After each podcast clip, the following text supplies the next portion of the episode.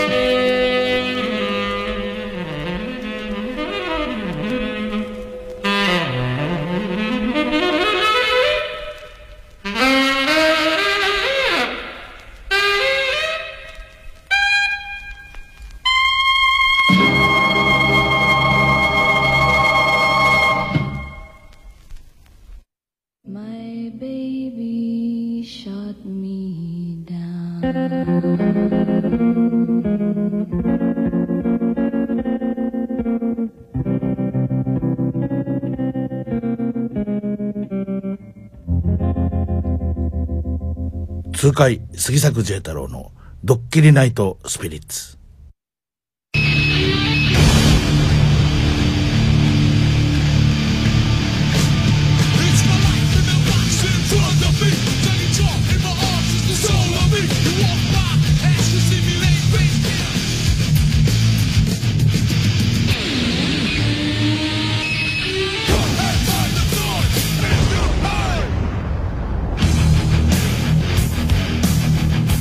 はい改めましてというか、えー、仕切り直してこんばんは。どうも杉作 J 太郎です、えー、今夜も痛快杉作 J 太郎のドッキリナイトスピリッツ、えー、生放送で23時少し前までお送りしてまいります。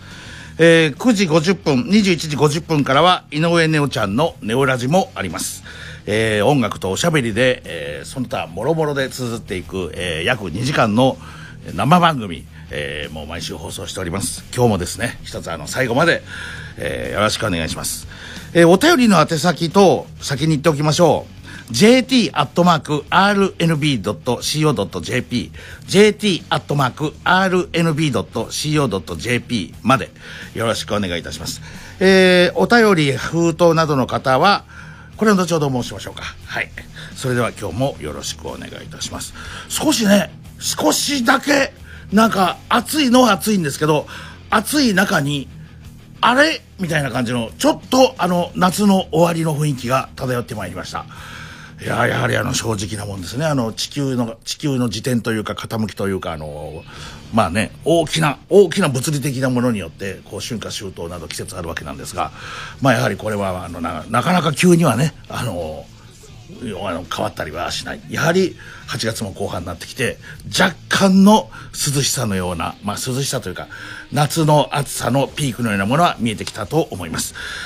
えー、何かこうね、あのー、コロナウイルスで大変な時期ではありますが、えー、ちょっとね、夏の暑い時、ちょっと外出歩くのも昼間出歩くのもしんどかったですけどあのちょっと遠くまで夕方の散歩なんかも少し遠くまで行ってみたいなとそんな風な方もいらっしゃるのではないでしょうか。今日の1曲目柴田恭平さんの歌で聴いていただきましょう「ファイルマイルアヘッド」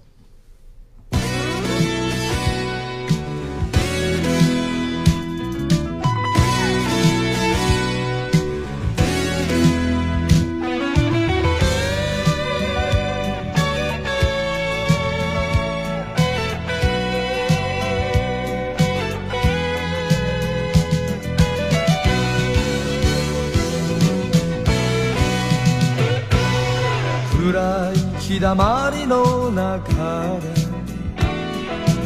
時が過ぎるのを待つのに飽きた。鳩場の倉庫の壁には青いペンキの落書きが粉雪に見え隠れする立ち止まる前に飛べ。思い出を置き去りにして。走り続ければ朝はもう一度来るだろう。ためらいを捨ててワイマイ遠くまで行くんだ。Start walking to find my ahead ど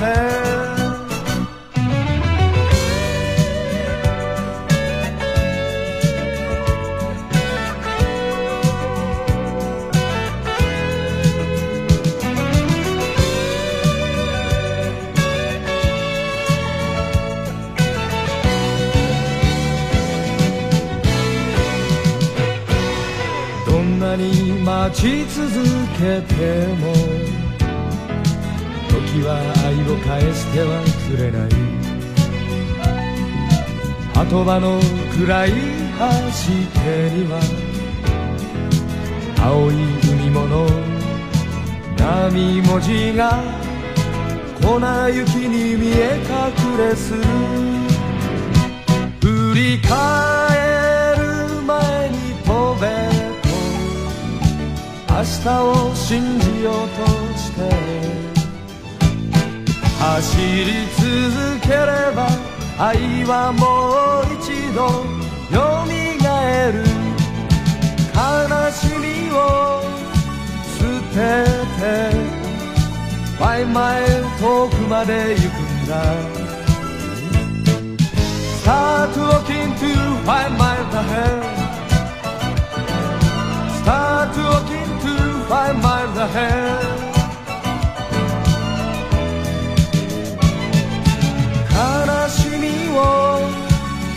捨てて Five miles 遠くまで行くんだ Start walking to five miles ahead Start walking to five miles ahead Start walking to five miles ahead Start walking to five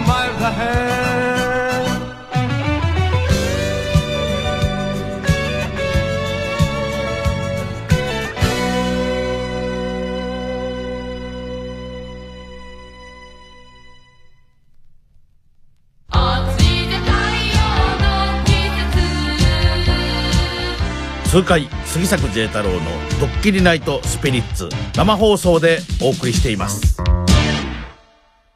はい、えー、このスターボーのね、あの、アイキャッチというのか、イヤーキャッチというのか、これもですね、暑いぜ太陽の季節。まあ確かにまだ暑いですけど、まあ若干、若干暑いともただ言ってられないぐらいの雰囲気が漂ってまいりましたので、えーいつ差し替えるか、えー次のものと、えーそろそろ考えていかなければいけないのかもしれません。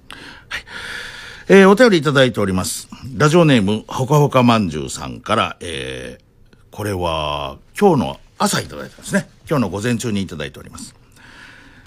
石田ゆり子さんの、石田ゆり子さんに関する、えー特ダネというか、まあ特ダネでもね、石田ゆり子さんに関する情報です。女優、石田ゆり子。ね。あの、昔、若い頃は、あの、アイドル的な活動もされたり、モデルの活動もされておりました。えー全日空だったですかね、日本 JAL だったですかね、あのーね、あのー航空会社のパンフレットなども、えー出ておりました。石田ゆり子さんは、逆立ちが好きだそうです。逆立ちをして、物事を逆から見ると、良いことが思いついたりするそうです。杉作先生の考え方、生き方にも通じる部分があるのではと感じました。石田ゆり子さんが杉作先生を私はですね、素敵と言った理由が分かった気がします。分かりましたか、ついに。えー私のことを、えー石田ゆり子さんが素敵と言ったのはもう間違いのない話だ。これはもう、これはもうあの、何人かの、特に僕ははっきり聞いたわけなんですが、えこれはあの、石田ゆり子さんがインスタグラム、ご自身でやられております、あの、インスタグラムという SNS というかね、あの、インターネットのあの、日記のようなものがあるんですが、えーそれの中で、石田ゆり子さんが、えー自ら、これ今ね、逆立ちというかね、逆立ちした写真を自分で撮られて、えー何か考え事をしているような写真が、えーこれ送っていただきましたけども、えーゆり子さんはこうおっしゃっております。えーこれはね、三点倒立と言うんでしょうか。私は逆立ちが子供の時から好きで、ついでに言えば、でんぐり返しも好きでした。世の中を逆さから見る。体も逆さまになる。そうすると、急にいいことが思いついたり、視界が開けたり、ひらめいたりするんです。だから私はしょっちゅう逆立ちをしてしてます。なお、この写真のものは三点倒立ではなく、ヘッドスタンドというらしいです。教えてくださった方、ありがとうございますということなんですが。まあ皆さんもね、こうやって喋ってると、ある一つのことが浮かんでるでしょう。あの、逆立ちしていいことを思いつくと言いますと、えー、暴れ発着というね、昔あの、少年が、えー小説からスタートしまして、その後あの、テレビ番組としてね、1代目、2代目、3代目、4代目、5代目ぐらいまで行ったんじゃないでしょうか。そして4代目か5代目が、えーこの間僕もあの、えーお話ししましたけども、あの、久しぶりにお話ししましたけども、えー僕の撮りました、やる気満々にも出ていただいた、えー純烈のね、もう今、純烈のメンバーでもあると。果たしてそれが誰であるかは皆さん当てていただいたらと。純烈の方とか、純烈のメンバーとはね、あのーいろいろな、こう、僕はありましてですね、その中の一人とは、あのある、えーテレビ番組の撮影で一緒のグループにありましてね、あのーそのグルーその撮影の時に、えーギンティ小林っていうのとコブラっていうのが、えー泊まりがけで付き合ってくれまして、僕に。あ、早朝からで、彼らは用事がないもんですから、朝からお酒飲んでるんですね、現場で。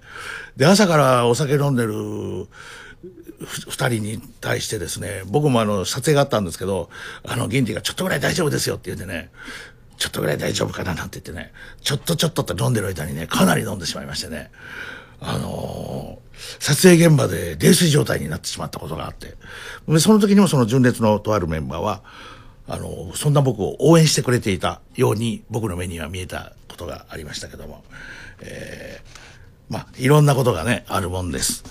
まあ、しかし、あの、暴れ発着もそうでしたけど、本当この、石田ゆり子さんは、そうですよね。だから、物の見方を変えてみるということですよね。あの、だから、それ、例えば僕なんかね、よくあるんですよ。あの、部屋の中で物が見つからなくなって、実はね、あの、先、もう昨日ですね、T カード、ポイントカードがなくなりましてね。で、あの、どこでなく落としたのかちょっとわかんないんですよ。で、お店も行きました、当然。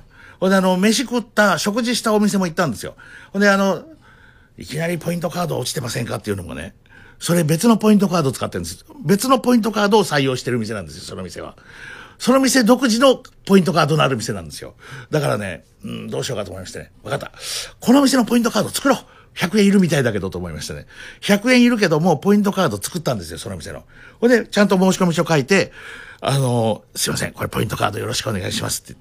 そしたら、はい、あの、ポイントカードを作りしますってって、ポイントカードを作ってくれた。で、その時に、ついでに、あの、ポイントカード落ちてませんでしたかねみたいなこと言ったんですよ。そしたら、丁寧に調べてくれました。ポイント。えー、届け物は全部この箱の中にね、あるんですけど、ないですね、なんて言って、で僕も、ああ、もうね、ないかもしれないんです。あの、どこで落としたかがはっきりしてないんで、すいません、あの、部屋かもしれないし、すいません、なんて言ったら、そこ、そこまで喋った時です、僕が。そしたらお店の方が、僕の声聞きましてね、あれ？ラジオでディスクジョッキーやってらっしゃいませんか？って言うんですよ。で、あの、僕が、あ、そう、そうですって言ったら、えー、杉作 J 太郎さん？なんて言ってね、僕が、あ、そうなんですなんて言ったらね、ああ、そうですか、これからもまた来てくださいなんて言ってね、まあ、あの、そういう意味ではですね、ポイントカードをなくしてよかったな、みたいな。まあ最終的に部屋にあったんですけどね。まあこれが本当恐怖の話ですよね。最終、最終的に部屋にあったというね。で、これがね、部屋にあったんですけど、あの記憶がなくなってたんですよ、僕はその部屋に置いた時の記憶が。実はね、僕がズボンをポーンと放り投げてたんですね、外から帰ってきて。で、ズボンが置いてあったんですよ、部屋に。で、いろんな、いろいろ探したんですけど、うん、もう途方に暮れて、そろそろもう、じゃあこれ、あ、ポイントカード新しく作ろうと思って。あの、ツタヤに行ったら作れるみたいなんで、あの、新しく作って、あの、ポイントも引き継ぎさせてもらおうと思って。それであの、このポイントカードがね、僕ね、3万円ぐらい溜まってるんですよ。あの、ほぼ使ったことない。ほぼブラジルっていうぐらいでね。まあ、あの、ずっといろんな、特にあの、ガソリンとか入れたりするときには金額もいきますしね。あと、高額商品なんか買ったときにもね、あの、使ってそのまんま貯めてたんですよ。だから僕今、ポイントカードが3万円以上あるんですけど、あの、その、それも引き継いでね、新しく作れるっていうことなんで、よし、もうこれは伝えてね、新しく作るしかないと思って。さあ、出かけようかと思って。で、あの、ズボンでも履くかと思ったんです。まあ、ズボン履かないと外行きませんけどね。で、あの、どのズボン履こうかなと思った時に、ああ、外から帰ってきた時に投げたズボンがそのままだな。よっぽど急いで、よまあ最近慌ただしかったからな、なんて思って。ところがね、その、ズボン置いた時の記憶を蘇ってみますとね、音が聞こえたんですよ、ズボン置いた時に。ポンっていう。トンっていう変な音が聞こえたんですよ。で、あれ？ズボンだけ投げたのになんでトンって音がしたのかなと思いましてね。で、ズボンの周り見たら、ズボンのポケットの中からゴミが出てたんですよ。あの、コンビニで食べた蕎麦かなんかの、あの、ビニールの袋みたいなと、用紙みたいなのがありましてね。ああ、これあの確かにそうだそうだ。あと外で買ったボールペンのあの、ボールペンを包んでたビニール袋のゴミが。でもなんでそのゴミがね、ゴミがなんでポンっていったのかなと思って。それでゴミも一緒に投げてやったんですよ。そしたらね、なんと、そのゴミに T カードがくっついてたんですよ。ポイントカードがくっついてた。あの、シールになってるから、あの、ボールペンとかの入れてるあのビニールが、プラスチックのビニールが、あれが剥いだところにポイントカードがくっついて、ポイントカードよりもそのゴミの方が目立ってたんですね。だから僕ゴミだと思って、ポンと投げてた。そしたらそれが、ポンと、トンって音がした。その音は聞いてたんですよ。だから、ズボンとゴミをの手から投げただけなのに、どうしてトンって音がしたのかなと思って探したら、まあゴミがあったから、うん、ゴミか。ゴミはくずかごにしてないとと思ったんですけど、あれ？と思って、二度見三度見しましたら、ポイントカードがくっついてましてね。いやー、まあ良かったなと思ったんですけど、まあそこに行き着くまでにね、部屋相当片付けたんですよ。だから、まあこれも物の見方考えますと、その探す、探したことによって、そのあるお店の独自のポイントカードも作れた。普段だって作ってなかったんですよ。いや、僕そこの作ってなかったんですね。で、作ることができた。100円かかるから、作らないように。いや、100円かかるから作らないようにってことないんですけど、まあ、いやあの、まあ、100円かかるから作らんでもいいかなぐらいに思ってたんですけど、100円かけて作った。まあこれ、ど、あの、とある店って言ってるのは感じ悪いから、あの、お店の名前言いますと、あの、北斗ですね。あの、レストラン北斗、一六グループが、えー経営しております、レストラン北斗の、あの、北斗茶屋、あの、おうどんとかが主体になっている、僕はね、あの、北斗のうどんは好きなんですよ。あのね、北斗茶屋も好きなんですけど、あの、セブンスターに併設されている、あの、セルフ北斗。もうあれも僕好きでね、あの、セブンスターについてる。あの、北斗のうどんは、かなり美味しいと思います、僕はやっぱりあの、一六はね、タルトの会社ですけど、あの、北斗のうどんはなかなかのもんだと思います。で、その、あの、北斗のカードを作ることができた。今まで作ってなかったのが。ところが、その作ったおかげで、作ってお話ししたおかげで、そこのお方が、ディスクジョッキーの方ですかみたいな。だからこの番組を、あの、皆さん聞いていただいていることも分かった。ね、これ T カードをなくしたおかげで。で、さらに言いますと、ここが一番びっくりするところなんですけど、その北斗のカードは、まあ今だけかもしれませんよ。あの、そういう、なんか対、対、ね、カード作るときってそれぞれのお店によってありますから、その、春屋のカードなんかもそうだし、あの、店舗によって条件が違ってきますからあれですけど、見ましたら、100円分すでにポイントが入ってるんですよ。だから、カード発行に100円はかかりましたけど、もうその100円はポイントで跳ね返ってきてる。で、さらに言いますと、この北斗、北斗グループのポイントは、500円で、500ポイントで500円分、1000ポイントで1000円分なんですが、ある特定の料理とかに変えた場合は、はるかに得になるんですよ。ええ、あの、まあ、カード作るときに綿密に見ましたんで、僕その紙をね、チラシを随分綿密に見て、あの、決心しましたと。ほんで、あの、もう、仕組みが分かりましたけど。ということで、えー、物の見方を変えてみる。あの、T カードをなくしたと思ったおかげで、部屋は綺麗になる。そして、北斗のカードも手に入った。そしてさらに言うと、部屋も、あのーまあまあ片付いた。もういいことずく目になったわけです。この一つカードがなくなったことでね。だから、まあ、ものは考えようだなというふうに。まあ、このあたりもやはり、自然ゆり子さんと僕が気が合うところというかね。あの、そういう、そういうことなんだと思います。はい。それでは、まあ、あの、つまらないお話ししててもあれですので、あの、曲参りましょうか。えー今日の、えー次にかかる曲はね、あの、あれです。あの、今ちょうどね、お月様、ちょっと外出ていただき、でいただくか、窓から見ますと、あの、ほ、細い月なんですよ。あの、今月が三日月っていうんですかね。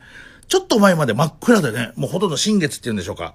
もう月が見えないぐらいの細い月でしたけど、それが若干若干膨らんできて、今、一番スリル満点みたいな尖った月になってるんですね。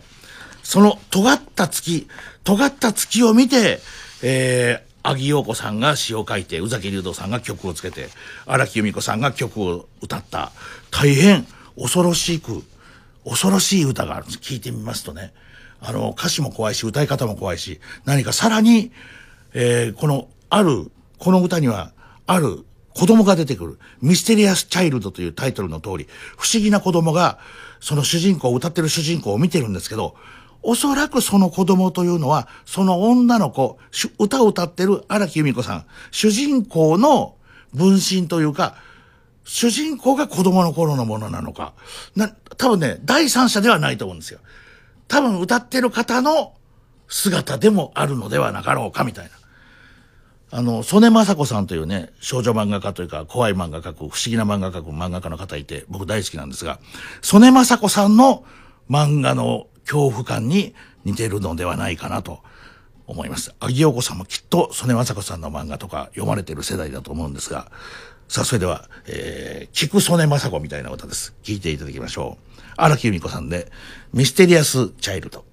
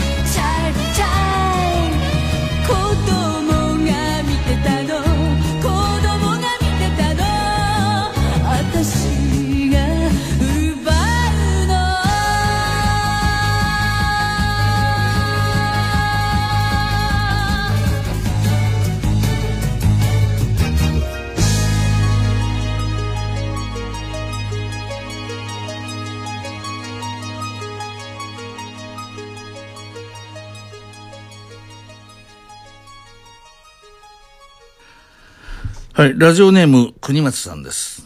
杉作先生ご一等様、こんばんは。こんばんは。暑い日が続きますが、最近夕方頃になると、無性にしょっぱいものが欲しくなります。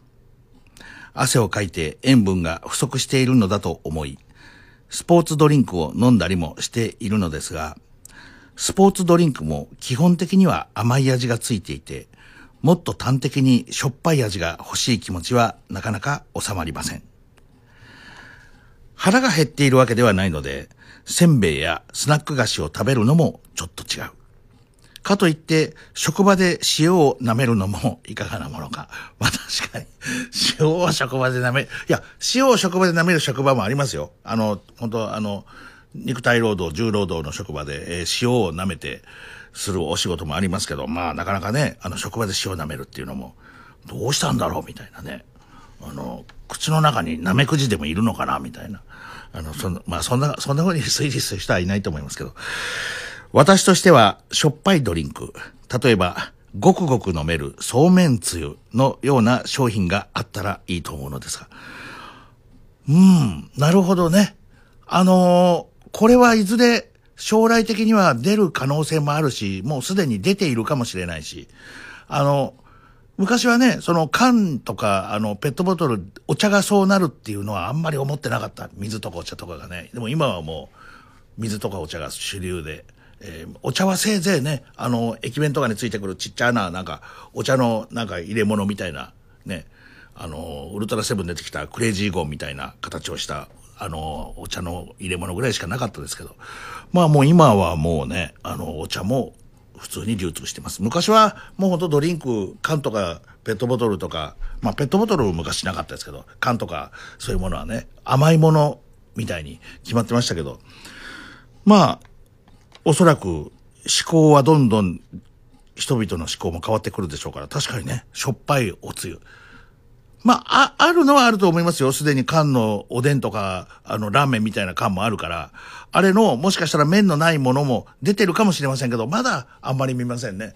でもあの、確かにごくごく飲めるラーメンとかね、おつゆだけだけどラーメンとかつゆとか、そ、そうめんとか、あの、いいかもしれませんね。これはね。まあ、あんまり大量に飲むと塩分の取りすぎになってしまうから、まあ、おそらく、うん、そうですね。あ、普通の缶が、普通の缶が500とか250とかありますけど、まあ僕はね、75ミリリットルぐらいがいいと思うんですよ。なぜなら、ラーメン75なんて言って、そうめん75なんて言ってね、あの、失礼いたしました。えー寒くなってきました、本当お気をつけください、本当に。えーまあ、夜になってまいりまして、えー気温も若干下がり気味。あの、お便りもいただいてますよ。えーこちら、北条のしんちゃんさんからです。こんばんは、ジェイ太郎さん。ジェイ太郎さんがおっしゃったように、先ほど外へ出たら、おと思うほど涼しく感じました。昼間は猛烈に暑さを感じましたが、秋は近づいてきているようですね。今夜はひな太郎さんがいないので寂しいです。やはり、こう、私一人では役不足ということにこれはなってくるんでしょうかね。まあ、ただ、この寂しさを、土曜日の夜はこの寂しさを噛み締めろえ、この、寂しい雰囲気ってのもいいもんですよ、これね。あの、例えば、お通夜とかね、あの、誰、亡くなった時のお葬式とかお通夜とかもそうですけど、賑やかに盛大に行きたいっていう気持ちもわかりますけど、あの、そういうことを言う方もいらっしゃいますけど、なんかこう寂しい。なんかこう、寂しいなみたいな。まあ、それがやっぱりなんかこういい思い出っていうかね、何かこう、お葬式とかの思い出の中にもあるような気がしますしね。なんかこう、寂しさ、寂しさってのも悪いもんじゃないだろうっていうね、ふうに僕も、さっきの石田ゆり子さんと一緒で考えようですよ。やっぱり、この寂しいのも、寂しいぐらいでちょうどいいじゃないかみたいなね、ふうにも思うわけなんですが、はい。えー、涼しくなってきているという方ね、あの、何人かいらっしゃってますよ、やっぱり。あの、こちら、エキスポ81さん、こちらは北九州市の方ですが、えー、杉作さんが言っていたように、今日は確かに暑さの峠を越えたような気がしました。まだ暑いのですが、ピークは過ぎたようですね。本当なんですよ。僕今日本当にピーク過ぎたような感じしましてね。あのー、っていうのがね、あの、今これ、今日24時間テレビ、日本テレビ系列、ここ南海放送でも24時間テレビ今、やってますよ。やってらっしゃいます。あの、や山内メディア室長があの先ほどまでそこにいらっしゃいまして多分今もいるんじゃないかと思いますけど。あの普段はもうこの時間1階のロビーはもう真っ暗なんですけど今入り口のロビー明るく明かりついております、えー、24時間テレビのモニターも映っております。でねこの今僕24時間テレビの T シャツを着てきたんですがそう今日24時間テレビの日だから T シャツ着てこなきゃと思って T シャツ着てきたんですがこれがね着ていこうと思ったらね洗濯してなかったんですよ。これはいけないと思ってね、あの、洗濯したのがね、えー、1時ぐらいです。13時ぐらいです、今日の。で、乾くか、まあ、乾くと思ったんですよ。あの、今暑いから。で、洗濯物干した瞬間に思ったんですよ。あ、乾かないかもしれないみたいな。あの、ちょっと、確かに暑さがね、減ってたんですよ。こうあれこれ乾かんかもしれんな、みたいに。まあ、でも乾きました。ほんで、それで今、こう着てきてるわけで、わけなんですが、えー、24時間テレビの提出、私も、えー、来ております。大きさ、サイズいろいろなのがあってね、ほんと大変いいです。僕今これ 3L を着てるんですが、えー、大変こう 3L、着心地がいいですね、やっぱりね。はい。えー、ということで、えー、まだ暑いのですが、ピークは過ぎたようですね、と、エキスポ81さん。これから雨が降るたびに、少しずつ涼しくなっていくと思います。あれだけ酷暑だったのに、夏が終わりそうになると寂しくなりますね。あ、やっぱりこちらも寂しい。ええ。特に今年はイベントも外出もできていないですから、一番の思い出は、一度も打ってませんを見に行ったことです。いや、いい思い出できたじゃないですか、これはね。一度も打ってません。ね、あのー、ぜひ、一度も打ってませんを二度見ましたとかね。一度も打ってませんが、二度見てませんじゃいけません。もう意味、言ってる意味がちょっとわからなくなってきました。まあ、何にしましても、えー、寂しさ、寂しさを噛み締めるというか、寂しさの味わいが分かり出したら、もしかしたら大人の入り口にいるのかもしれない。やはり夜は、ね、夜は寂しい時間かもしれない。でもその寂しい時間が何か新しい何か期待を、ワクワクしたものを連れて、連れてきてくれる。丸山先生の映画もそんな映画でした、今回の。それでは、大人の夜の寂しさの歌。ここで2曲続けて聴いていただきましょう。2曲とも、えー、藤本拓也先生の手によるものです。夜の男、藤本拓也先生の手による作品。1曲目は、佐久間浩二、女はそれを待っている。2曲目、梅宮達夫で、夜は俺のもの。これはどちらもね、あの、名盤を、名和解放同盟の、えー、コンピレーションの作品の中なんですが、えー、これあの、根本さん、湯浅さん、船橋さんというね、あのメンバーが、えー、足を棒にして駆けずり回りながら走ったり、あのー、レコード会社と交渉したりして作ったコンピレーションなんですが、この担当のプロデューサーというか、この担当者とこのシリーズを生み出、世に送った担当者の、担当者というのがね、P バインの、えー、松山出身の井上さんなんですよ。えー、だからあの、松山出身の方がこちらの、えー、いらっしゃらなかったら、これは多分ね、音源化することはなかなか難しかった。井上さんの大変なご尽力による作品。それが今、こうして、えー、聴ける状態になったわけです。それでは聴いていただきましょう。佐久間浩二、女はそれを待っている。梅宮達夫、夜は俺のもの。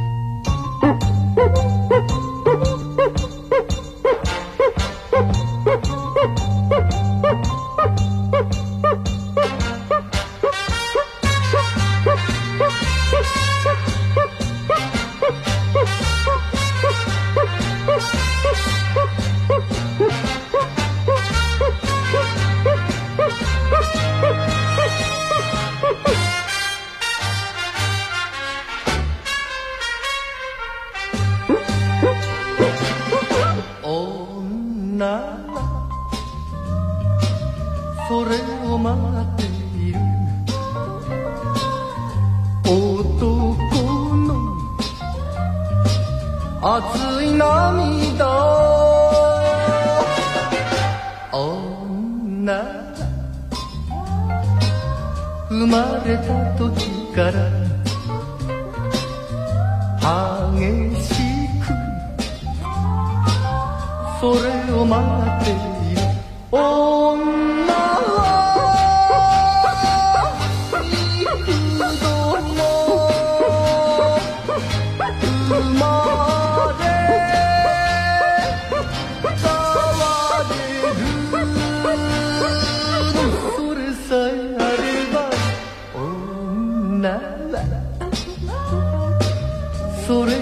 fala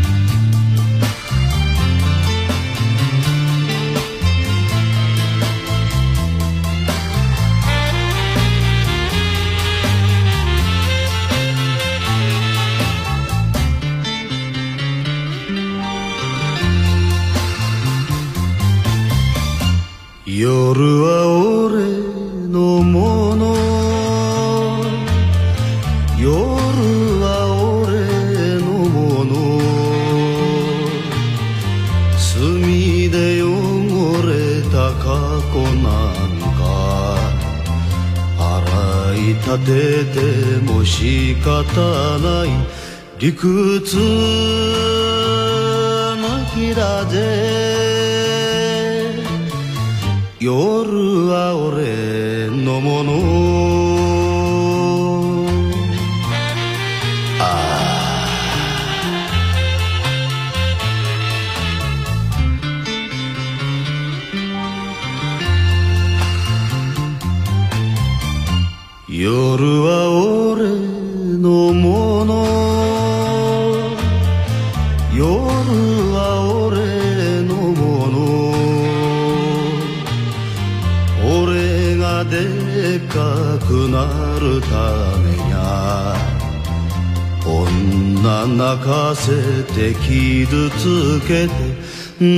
を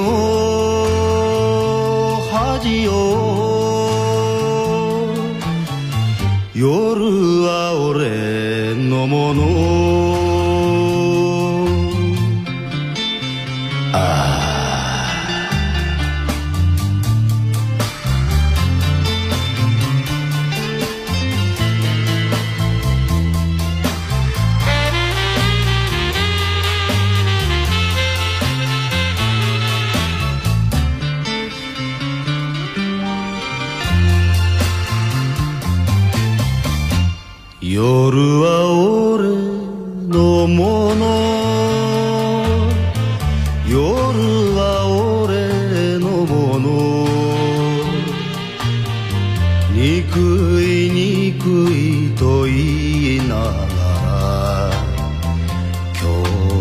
今日も抱かれにやってくる。文句あるかよ。夜は俺のもの。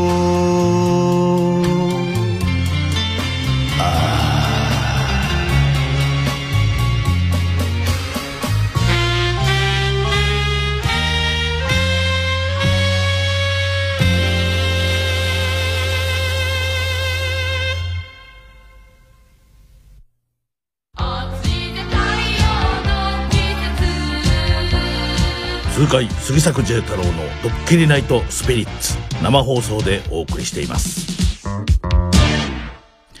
はい、えー今日のドッキリナイトなんですが、えーこの後ですね22時台になりましたら、えー朗読コーナーというのがありますんでねあのー一つ、あのーお付き合いの方、あのーよろしくお願いしたいと思います。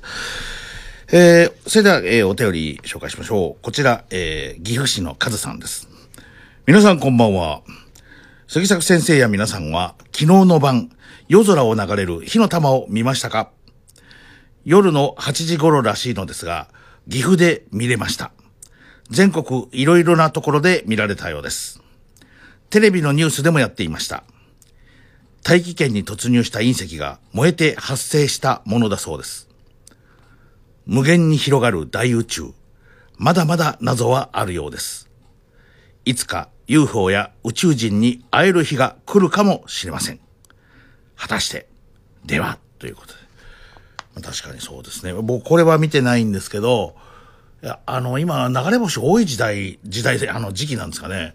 数日前にね、ものすごい大きな火の玉が、えーっとね、松山から見て、えー北の空に、スーッと天空から北の、あの、山際の方にね、流れていくのを見ました。もうあの、おーってね、思わず声が出てしまうぐらいでしたよ。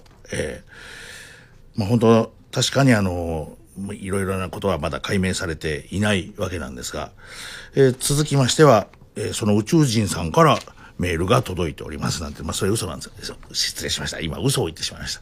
まだ宇宙人の人から、えーメールは来ていませんが、えーまあ皆さんもね、あのー夜空を見上げて、ちょうどね、今日さっきも言いましたけど、ほ月があのー暗めですから、明るくないですから、星がその分本当に綺麗に見られるんですよ。えーいろんな星があって、そしてさらにはこう、今このカズさんおっしゃったように動いている星もあります。聞いていただきましょう。ジェフ・ベック、スターサイクル。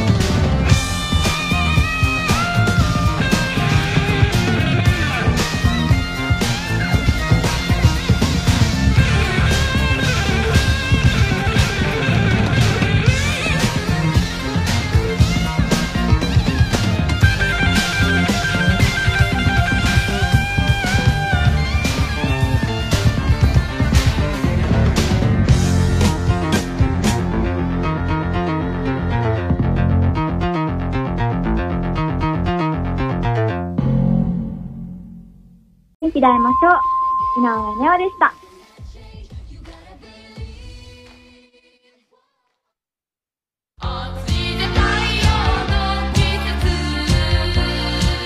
次回杉作 J 太郎のドッキリナイトスピリッツ。生放送でお送りしています。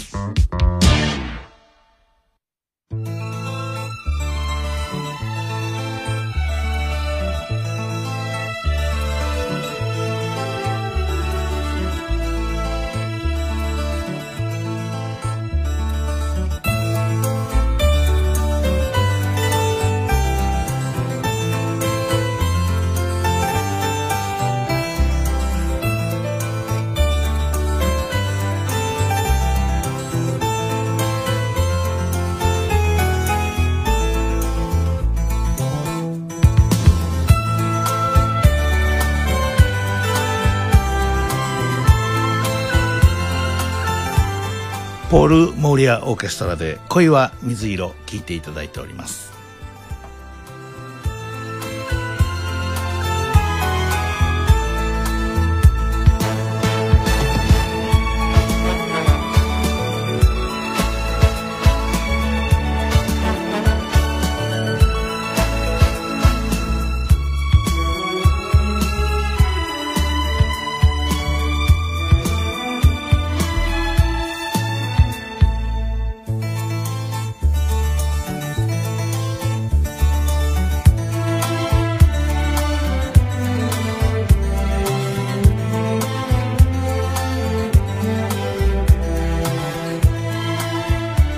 曲に乗せてお便り読んでまいりましょ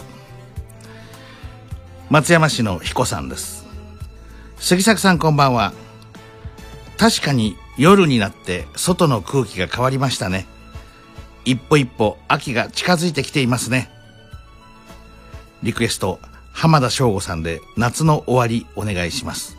ということなんですが聞いていただいておりますのはポール・モーリア恋は水色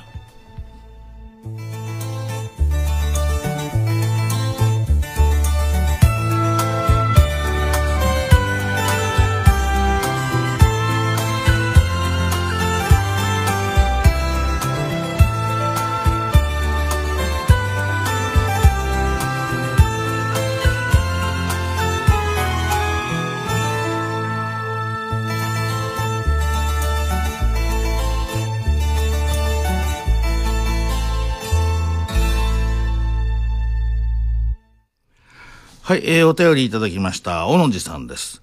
杉作さんこんばんは、小野寺です。杉作さん、その後、ドローイングはいかがでしょうか？様々な運動と、やはり食生活が大切ですよね。ということで、まあ、その後もお便りあるんで、この後読みますけども、えードローイング、えーいかがでしょうか？ということなんですが、えー読んだ瞬間、何のこと言ってんのかな？と思ったぐらいですから、完全に忘れてましたね、これは。あのーこれは呼吸法でしたっけね？呼吸法ですよね、きっと。腹式呼吸法みたいなやつで、あのー体にいい、腹筋にいいという感じのものを多分教えていただいたと思うんですが、えー完璧に、あのえ忘れておりました。あの失礼いたしました。えー後ほどもう一度タイムフリーで、あのその、僕が読んだんですよね、これ確か。自分で読んだ部分をタイムフリーでもう一度聞いて、あのドローイング、再チャレンジしてみたいと思います。なんの、その後ドローイングはいかがでしょうかって、なんか、ドローイングっていうからなんか、ドローンとかね、なんかドローイング、何か物を描いたりしてんのかな、小野寺さんが今こう芸術活動かなんかの話だろうかなと思ったんですけど、まあ、完全には忘れていませんでした。あ、そうだ。私がね、あの、食生活研究所で体重を絞らなければというので、ドローイングという方法を小野寺さんが教えてくれたんです。はい。あの、ありがとうございます。で、小野寺さんなんですが、私は今まで毎日のように食べていたラーメンをしばらく断ちたいと思います。とにかく塩分の摂取量を抑えたい。ふくらはぎのむくみがひどくて、外から帰宅すると履いていた靴下の跡がくっきりと足に残ってしまうほど。あと最近は朝に起床しても足にだるさを感じて起き上がるのがかなりしんどい。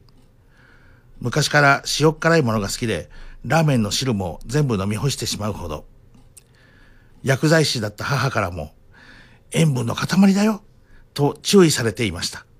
しかも、毎日毎日カップラーメンも食べるんだから、そりゃもうと。とりあえず、1ヶ月間ラーメンを断ち、それからは食べる頻度を調節しようと思います。ラーメンに限らず、塩分の濃いものは避けないと。こんなことで悩むなんて20代までは思いもしなかったですということなんですが。なるほどね。いかがでしょうか？このラーメンの欲望、抑えきれますかね？あの、ラーメンというのはもう強いですよ。やはり敵としては。うん、僕はあの、ラーメンは、僕自身はね、まあ、小野寺さんもだから言ってます。あの、1ヶ月辛抱した後に、その後は食べる頻度を調節すると。この1ヶ月の間、まず立たないと、今あまりにも、この悪影響ではないかということで、まずた、まずは立ちたいという話なんですが、まあだから、小野寺さんも縁を切るつもりではない。まあそういう意味で、まあやはりラーメンの魅力分かってらっしゃる。やはりね、ラーメンはね、一つ、まず一つ言えることは、食べるのをやめとこう。まあこれ、とんかつにも言えることですが、あの、食べるのをやめておこうって思う時点でもう考えてしまってるんですよ、これが。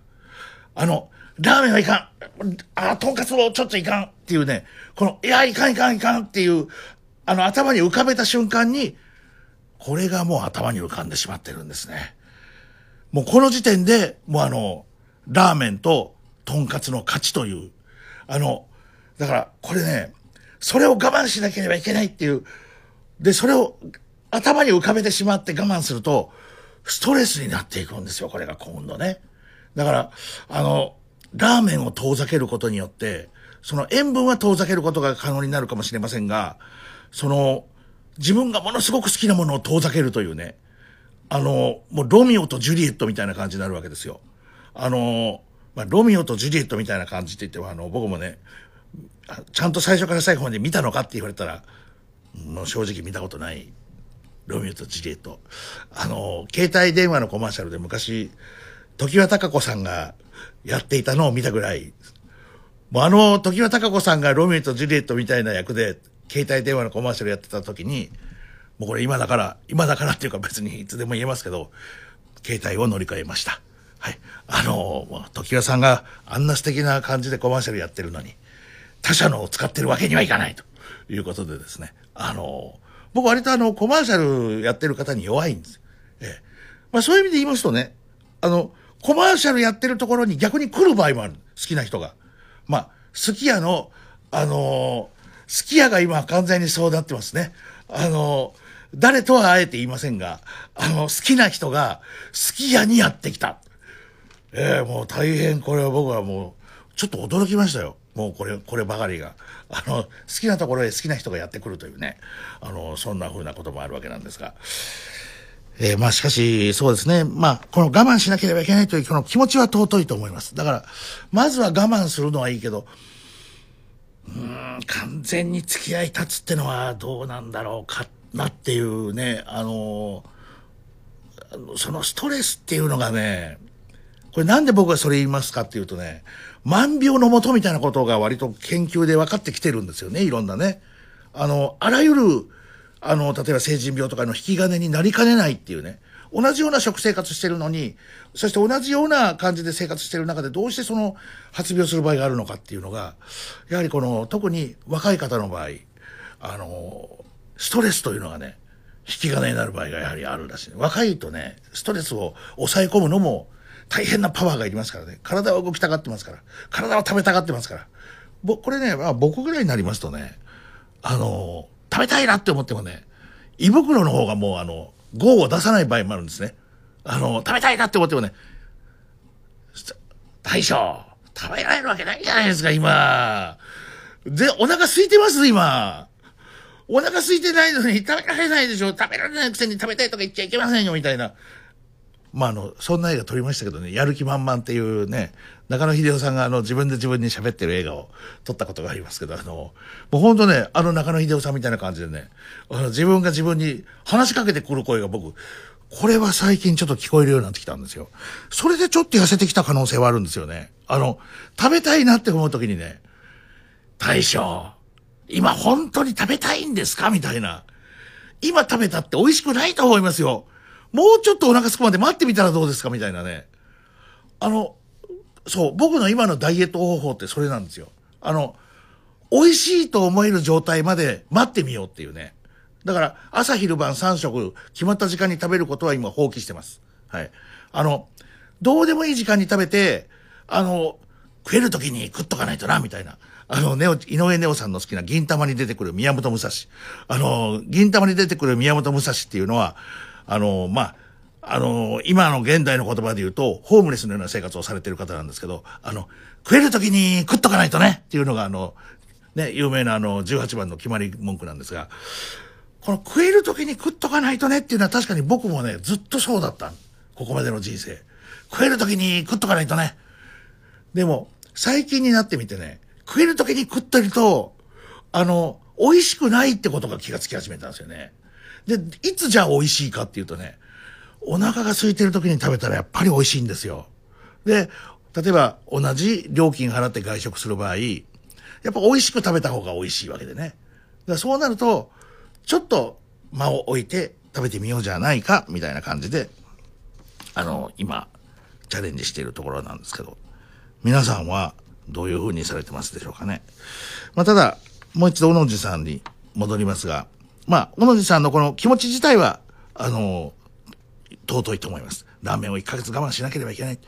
ただ、あの、これ、老婆心ながら一つだけ言うのは、好きなものをあえて我慢しなければっていうね、我慢っていうのを考えた時点で、逆に四六時中考えちゃってるんですよ、ラーメンのことをね。だから、もう朝も昼も晩も多分ね、ラーメンのこと考えてると、もうラーメン、俺今ラーメン食っちゃいけないからみたいな、ラーメン食っちゃいけない。カップラーメンも食べちゃいけない。あ、カップラーメンってね、カップラーメンも買っちゃいけないみたいな。あの、カップラーメンっていうのは不思議なもんで、食べる時だけが楽しくないですからね。買ってる時がもうすでに楽しいですからね。あの、スーパーとか行って、カップラーメン、ああ、どれにしようかな。カップラーメン買っとこう。なんて言って、選んでる時がもう本当に楽しい。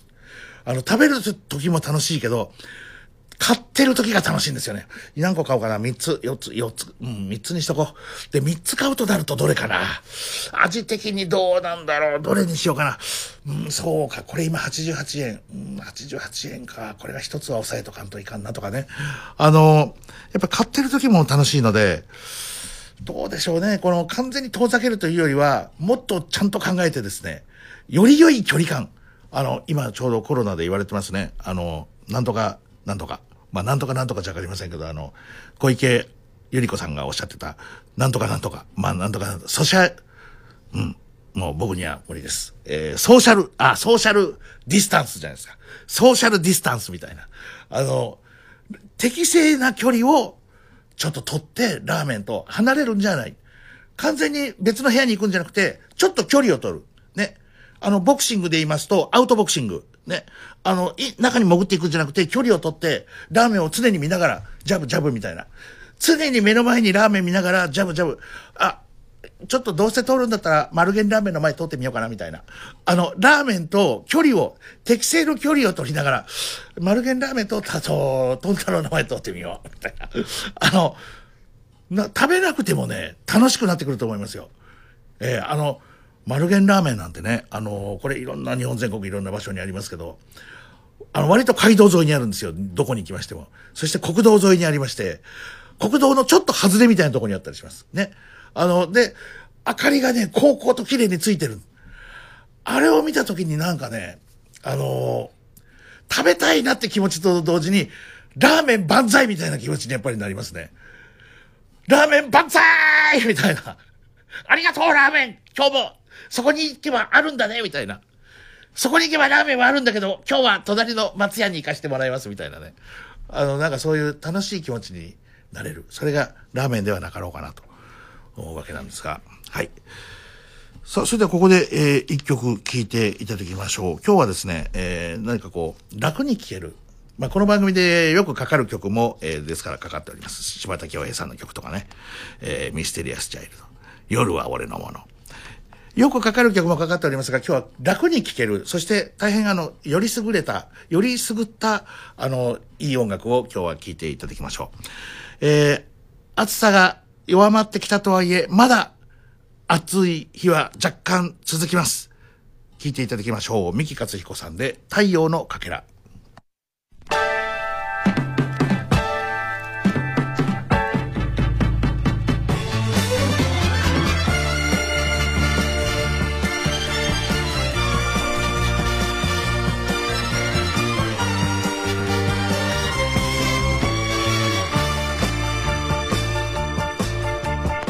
真夏の恋は裸のままで確かめ合ってそれからとは知らない。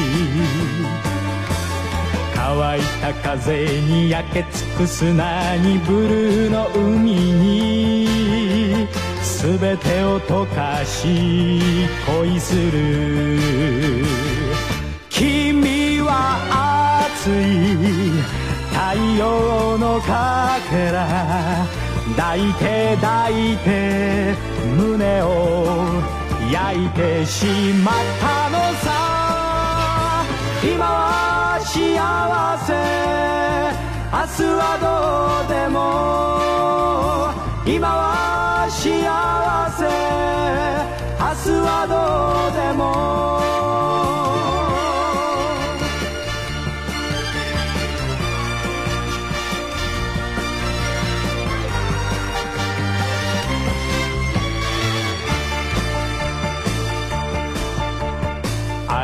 ていると言わないけれど全てがわかる。炎のような口づけ。今日から明日へ明日からそして別れの日まで。離れはしない少しも。君は熱い。太陽のかけら燃えて燃えて僕を狂わせたのさ今は幸せ。明日はどうでも今は幸せ。明日はどうでも。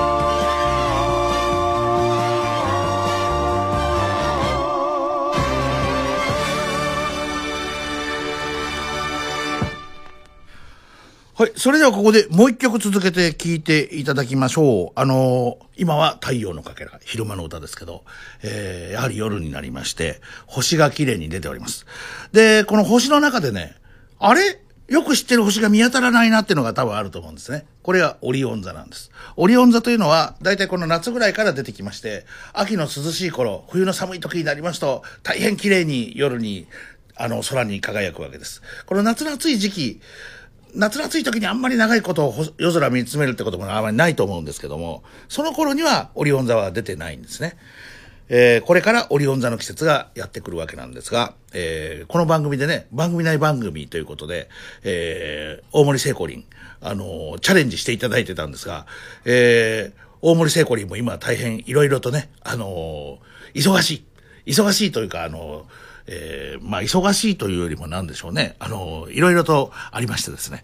えー番組内番組は、またもう少しスケジュールが楽になってからというふうに、まあ、話した、話し合ったわけではないですけど、僕は彼女の気持ちが何か分かっているつもりでおります。はい。ですから、催促もしません。その代わり、えー大森聖子林の曲、聴いていただきましょう。もうすぐ季節です。オリオン座。汚れさ武器に明朝太陽空へ投げたら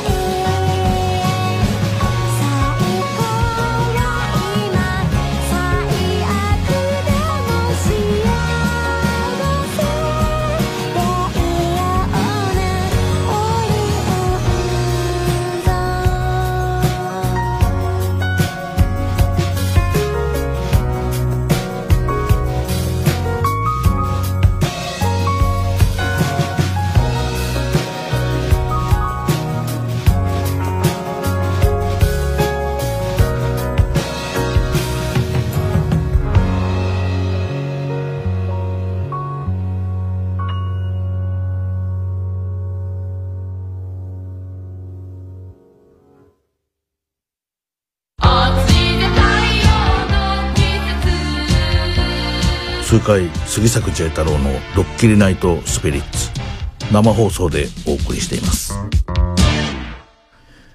はいそれではここからですね、えー、朗読をさせていただきたいと思います。えー、これはですね、えー、この番組の、えー、火曜日、水曜日ですかね、あの、番組内番組で、えー、手塚のり子さんの私の漫画道をお送りしてますが、手塚のり子さんが編集長を務めます、アックス、えー、月刊漫画ガロのね、えー、続きの本ですけども、えー、この、アックスの中の、ふんどしの腹渡という僕のもうこれ10年、10年どころじゃないですよね。第126回って言うんですから、これ年に4回ぐらいしか出ない。あれ？そしたら30年もやってます？いや、30年もやってないと思うんですけど、30年もあ、なんかちょっとわからなくなってきましたけど、かなり長いことやってる連載なんですが、えー、それのちょうど去年の今ぐらいに出たものなんですね。あのー、来月僕の誕生日があるんですが、これが去年の誕生日があった後に書いた原稿なんです。ちょうどこの本がね、あの、トイレに置いてありまして、うちで。で、来る前に読んでおりましたら、えー、誕生日、まあ、来る前に、次の誕生日来る前に、あ、一度、これ、うん、もう一度読んでおきたいなと思いまして、えー、今日土曜日、スピリッツということなので、えー、読まさせていただきたいと思います。それでは、ふんどしの腹渡、杉作 J 太郎。人間はいつか必ず死ぬ。またかと思われるかもしれないが、誕生日だったのでどうしても考えてしまった。生まれてくることは死んでいくこととセットだからだ。全員セットである。このセットがついていなかった人間は地球が誕生してからただの一人もいない。最近老後にいくらかかるとかかからないとかの議論が交わされている場があるそうだが、なんてどうでもいい話なんだろうと思う。そりゃ生活はその中身次第でお金がいくらあっても足りないこともあれば、全くかからないこともある。別に老後でなくてもだ。今この瞬間にいくらあっても足りない生き方もあれば、一日に数百円あればこと足りる生き方もある。病気の治療にお金が必要だという考え方も、病院があって医者がいればという話に過ぎない。とにかく、要するに、生まれてくることと死んでいくことにお金はさほど関係がないのである。本人の意思ではどうにもならないのである。いくらお金を積もうとも、いくら栄養価が高くてバランスの取れた食事をしようとも、死からは逃れられない。いずれ200歳ぐらいまで生きる人は出てくるかもしれないが、500歳ということはまずないだろう。人造人間機械ダーみたいなスタイルになれば可能かもしれないが、実際に機械ダーになれたとしても、外観はああはならないだろう。あれはスーツであり、中身は人間だ。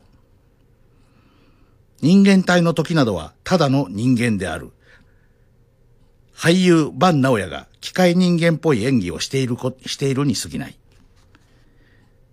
肉体や脳など、あらゆる部分を機械にすれば、永遠に生きることはできるかもしれないが、それはもう誰でもない。記憶は単なる記録であり、自我は個体の識別に過ぎない。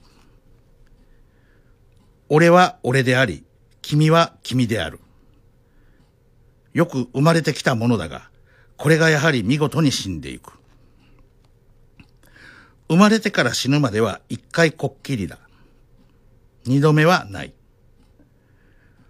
もう何もかも嫌になったり、もう何に対しても期待できなかったり、もう世の中のあらゆる事象と関係を持つ気力が失せたり、もうあまりにも毎日が苦しかったりすると、自ら死を選ぶこともある。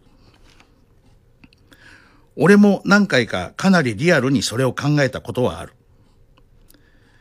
友人や仕事仲間にも選択、遂行したものは少なくない。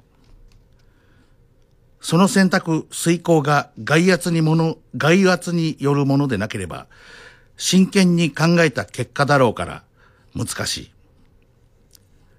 良くないのはいじめとかシステムとか経済的な成り行きから死を選択する場合である。これは悔しすぎる。外圧と死んだ気になってもう一度戦ってみてもいいのではないかと思う。というのも、どうせいつかは死ぬには死ぬのである。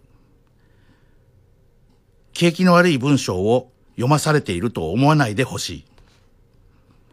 俺は景気の悪いことを記しているつもりはありません。誕生日を迎えて死について考えて、やはり避けようがなく、それがいつ来るかわからないと思ったら、俺は元気になったのである。元気になった。まさしく。エヴァンゲリオンでいうところの暴走モードに近いだろう。簡単に言うと、ちゃんとやらなければならない。周囲の期待に応えたり、状況に合わせたりしなければいけないと考えるから手詰まりになるのである。すべてのシステムや常識から解放されれば、まだいくらでも手はあるのである。もちろん、長時間は持たないかもしれない。が、そもそも万物の寿命は長短、長い短いではないというのが俺の今日時点の結論である。万物の寿命は長短ではなく、有無である。あるなしである。長い短いは個性の一つに過ぎない。で、またかと思われるかもしれないが、それだけだと寂しすぎるので、そこに愛があるのだ。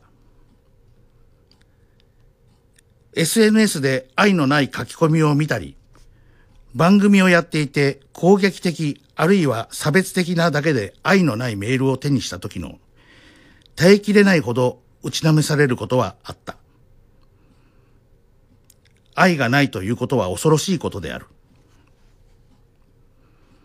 このメールどうすればいいですか？人を傷つけることに特化した攻撃的な内容のメールを手にして尋ねた、なっちゃん、かっこ、一緒に番組をやっていた若者、かっこ閉じる。かわいそうだった。人間はいつか必ず死ぬのに、なぜ人は攻撃して、威圧して、差別して、区別して、威張って、得意がったり、誰かを、誰かを見下ろしたりできるのだろうか。愛とは支配することでも、結果があることでもない。愛とはその初動だけで完成している。愛とは憎んだり呪ったりする性質のものではない。何もかもに失望して歩いている土手の上で、小さな草が生えていたとして、小さな花が咲いていたとして、それを踏みそうになって、おっと気がついて踏まないことはあるだろう。その時、それまで自分を覆っていた失望とは別のものが心にはある。それは温かい。その温かさで人間は、というか、俺は生きてこられた。例えが土手の草だから違うかもしれないが、愛がなければ生きていくことは難しい。それほどに宇宙は石爆である。だが、その石爆の中にも愛を見つけることができれば、目先は変わる。愛のないシステムや愛のない情報に振り回されないようにしましょう。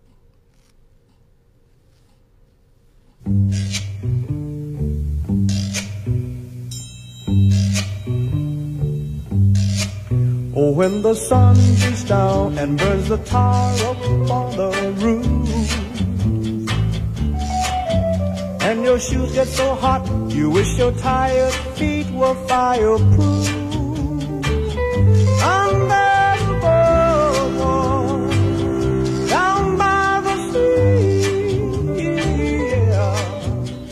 A blanket with my baby, is where I'll be. under the boardwalk. Out of the sun, under the boardwalk. We'll be having some fun, under the boardwalk. People walking above, under the boardwalk. We'll be making love, under the boardwalk. Boardwalk. From the park you hear the happy sounds of a carousel. Mm, you can almost taste the hot dogs and french fries they sell. Under the boardwalk, down the sea, yeah. On a blanket with my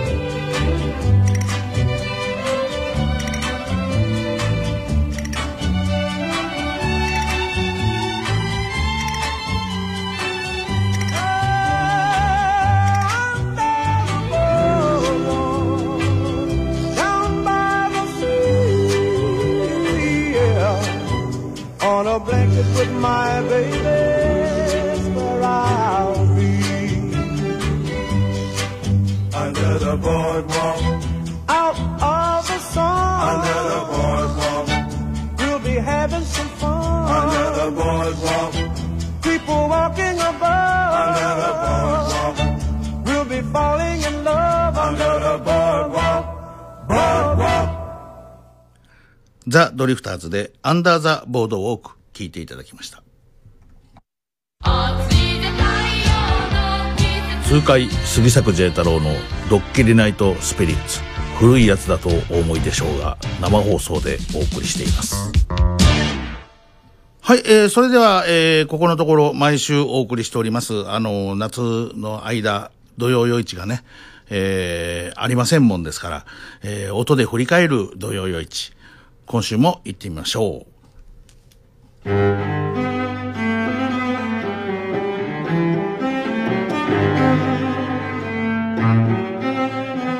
プレイバック土曜夜市。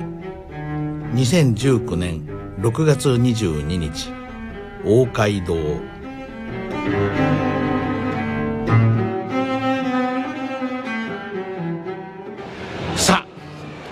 えーここが大街道なんですけど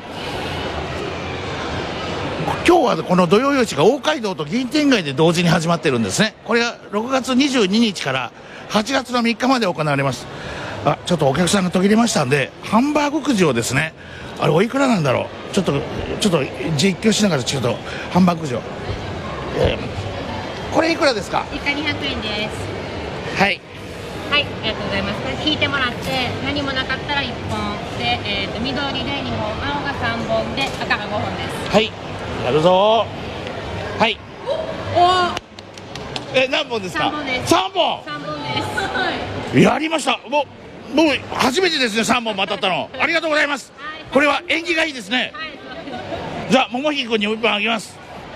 ね。はい。すごいですね。めず今日初です。あ本当ですか？いやーもう今日は僕だけですねじゃあね。もうあのやりました。もう幸せ独り占めということでも200円ですういやーやりましたね。はい。あもう2本こっちも作っちゃおう。ね3本3本いただけるということで。やりましたねはい以下でいいですかはいありがとうございました、はいありがとうございます。ありがとうございました。いやーすごい。これはこれはなんて景気がいいんだろう。まああの僕3本でね今僕と桃引きで来てますからあの1本余るんですけどまあ1人1本だとすればかといってこの1本も僕と桃引きで1本半ずつ食べるわけにもいかないというね。まあそうなりますと私がおのずと2本で桃引きが1本ということになりますとなんかこうなんかこう差差別じゃないですけどね。なんかこうなんか見てあの太ってる方の人見てごらん。あの太ってる方が2本も食べてるよなんて言ってね。なそう言われるのもなんか尺だからまあ桃引きに2本あげましょうかね。こうなりましたらね。うんまあでもそれもなんかせっかく当てた僕が当てたにもかかわらずおまけにおまけにこの元々のお金の出所が僕ですからね。桃引きは1円も出してないわけですから、まあ、そうなりますとやっぱり私はこれは2本食べさせていただくという。あそうこう言ってるうちにこの土曜夜市のこの中に岡本、えー岡本智子さんのセレクトショップ100円ショップ岡本があるわけなんですけど岡本が近づいてまいりました。ん？おいしい。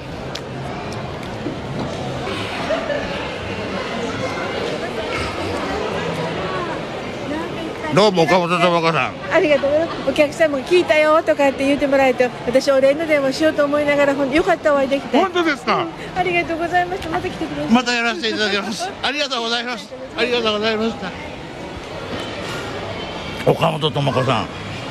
あのラジオを聞いたお客さんがたくさん来ていただいていやーよかったですね。いや本当は今も買いたいんですよ。今も買いたいんですけどえーちょうどここであの銀天街がえーここで終わりというか、まあ、始まりかもしれません。ああ大街道がね。大街道が終わりというか始まりということで焼き鳥屋なども出ておりますが以上大大街道の部ここまでということで一度スタジオにマイクを回収したいと思います。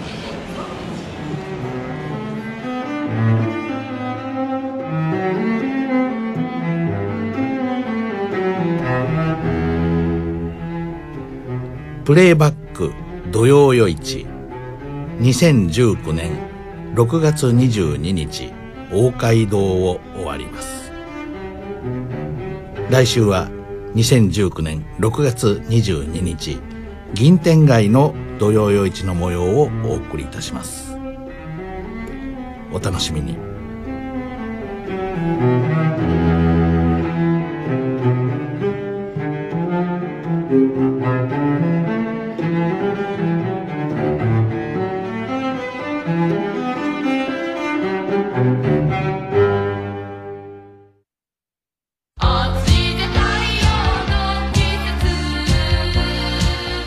痛快杉作 J 太郎の「ドッキリナイトスピリッツ」生放送でお送りしています。はい、えー、旦那様が大好きなシノピーこと篠辺恵子さんからお便りいただきました。J さんこんばんは。先日送らせていただいた散歩のメールが読まれましたよとどなたまの主人さんがツイッターで教えてくださいました。読まれた時にはまさに散歩中でしたが、数日前のを聞いておりまして、知らなかったので教えていただいて嬉しかったです。えーいろいろな、いろいろな、えー出来事があるもんです、世の中には。はい。えーどなたまの主人さん、ありがとうございました。と、えーこちら、えー、シノピーこと、篠平恵子さんがおっしゃっております。ひなたさんの応援と J さんの助言を胸に、無理せず続けてみます。散歩をね、頑張っていこうじゃないかと。あの、先ほど僕が言ったあれもどうですかね。あの、お腹が空くまではもうご飯は食べない。僕、ちょっとね、本当にちょっと、なんか、なんか、おなんかお腹が痩せてきてるような気がするんですよね。あの、チップスのトリューさんはまだ何も僕に言ってませんけど、あの、トリューさんが僕を見かけて、あれ？ジェイさんなんか痩せたんじゃないですか？みたいなことがね、前にも一度ありましたんで、えちょっとトリューさんの前をね、何度も通ってみようかと。えー、日向さんの応援と J さんの助言胸に無理せず続けてみますと。さて、今日は先日亡くなられた渡哲也さんとの思い出です。だいぶ昔のことですが、渡哲也さんが出演されていた松竹梅のコマーシャルにオーディションで受かり、撮影に臨んだことがありました。そのコマーシャルにはメインの渡さん以外に数名の出演者がおりまして、私のその一人として参加させていただいたのですが、早くの私には恐れ多いような広くて立派な控室を用意していただきました。撮影現場ではキャストやスタッフさんが自由にお茶やコーヒー、お菓子などを飲んだり食べたりできるお茶場というのが撮影現場の片隅にあるのですが、なんとその控室の中に私だけのためにそのお茶場が用意されていて心底驚きました。大手の会社にありそうなコーヒーメーカーに自分で好きなコーヒーをセットする。それにお菓子も甘いのしょっぱいの辛いの飴ちゃんスコンブのようなものからおつまみのようなものまで大量にありまして全部食べたらお腹いっぱいになるほどです、えー今読んだ私の率直な感想は素晴らしい羨ましいそして食べてみたいいいですね、これね。でおまけで全部タダということでね。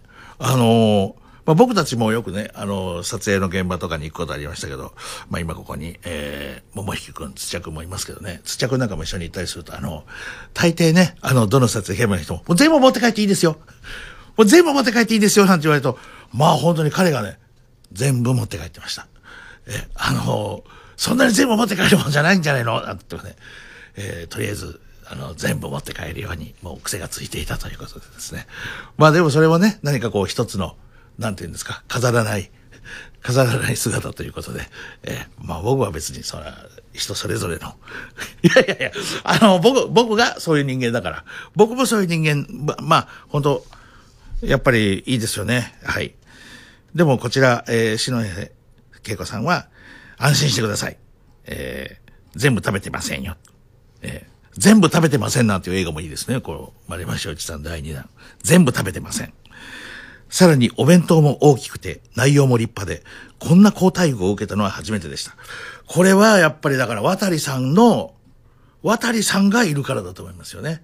まあ、篠谷さんもそういうことがおっしゃりたいんだと思いますけど、やっぱりね、渡さんの雰囲気に合わせてるんですよ。これも現場、コマーシャルの現場が。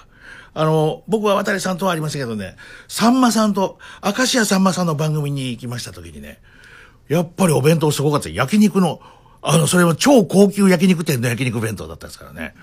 あの、ええー、と思ってね、朝日の先にもあの、あんな超高級焼肉店がお弁当を作るのかっていうのが、その時に初めて僕も知ったぐらいでしたけど、やっぱりそれはね、そのそれぞれの、あの、それがあるんだと思います。えー撮影の時は渡さんが現れると現場が引き締まり、そのオーラの違いに圧倒されました。ということで、えーまあ、このコマーシャル、ちょっと、えー後半省略しますと、まあ、放送はされなかったみたいなんです。放送はされなかった、えー諸事情により放送はされなかったんですけど、えー同じ作品にか、た、あの、関わらせていただけて本当に嬉しかったですと。えーお世話になりありがとうございました。渡哲也さんのご冥福を心からお祈りいたしておりますということで、えー渡哲也さんの曲ここでじゃあ一曲聴いていただきましょう。えーヒット曲、ギターと旅人。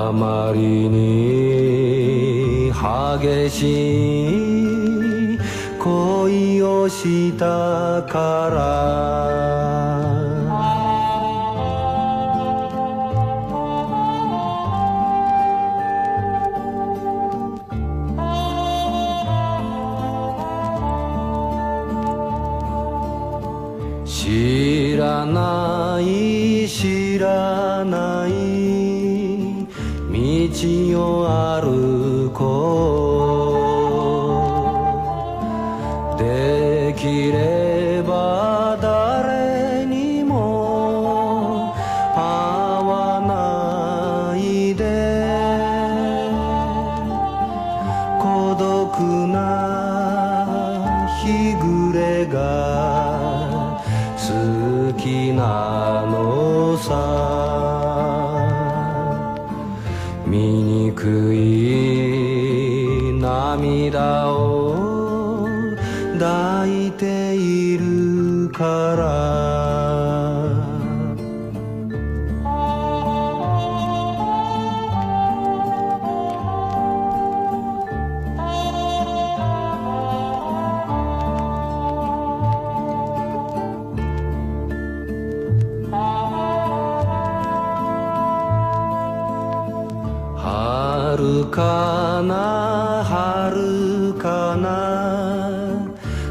旅をしよう小さな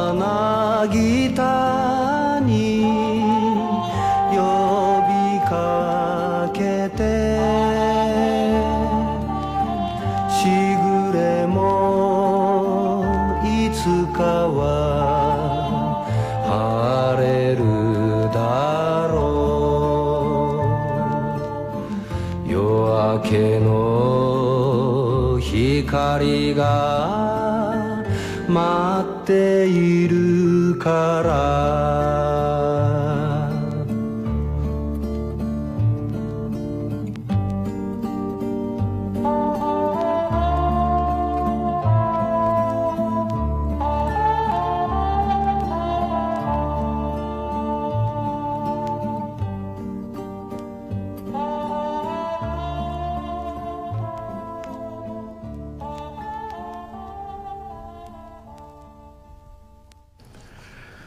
はい、えー、食事、この番組の食生活研究所宛てで、ネギ坊主さんからメールいただいております。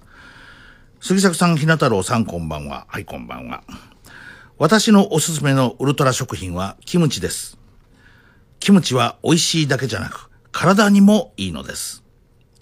発酵食品なので、腸にはいいですし、なるほど。発酵食品はね、腸にいいんです。そうです、そうです。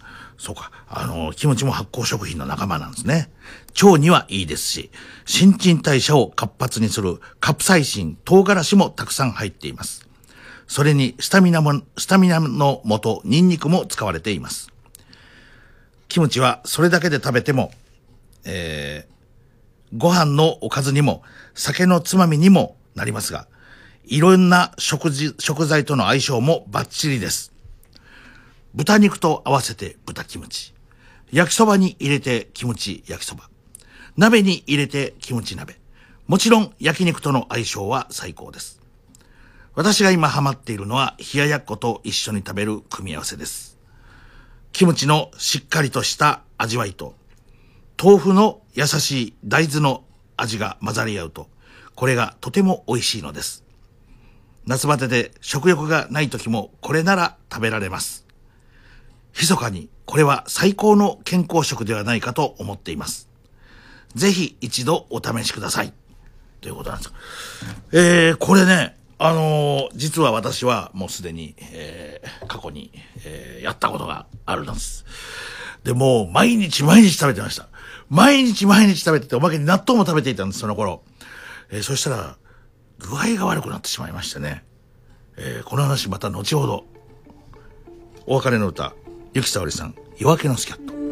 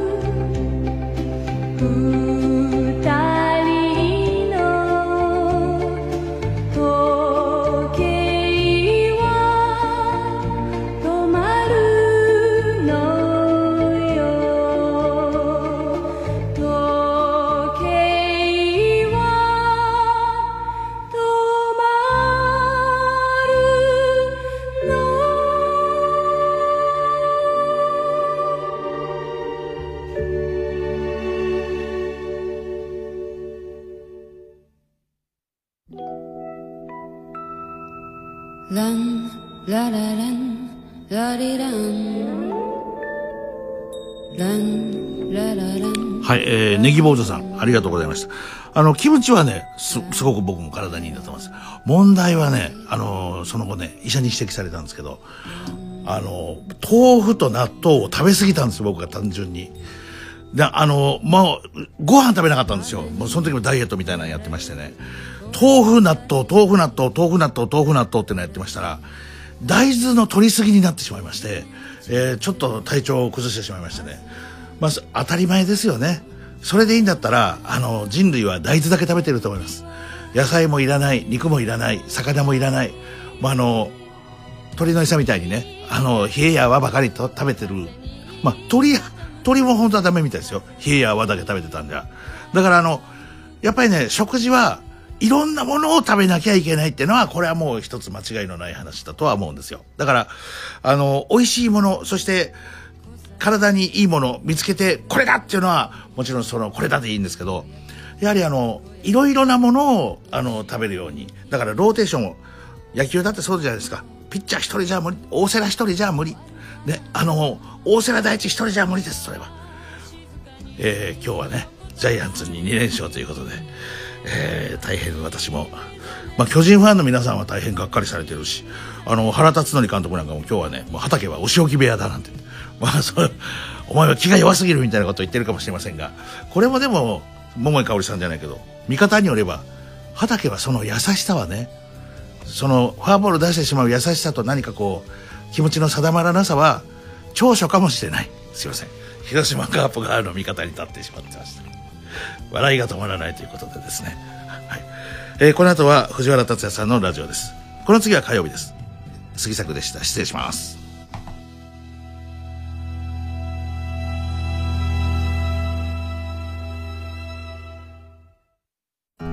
津波のオーノー毎週日曜日午前9時から松山市福住病院津波則夫副院長が不思議な脳の世界や今知りたい医療健康情報をお送りしています。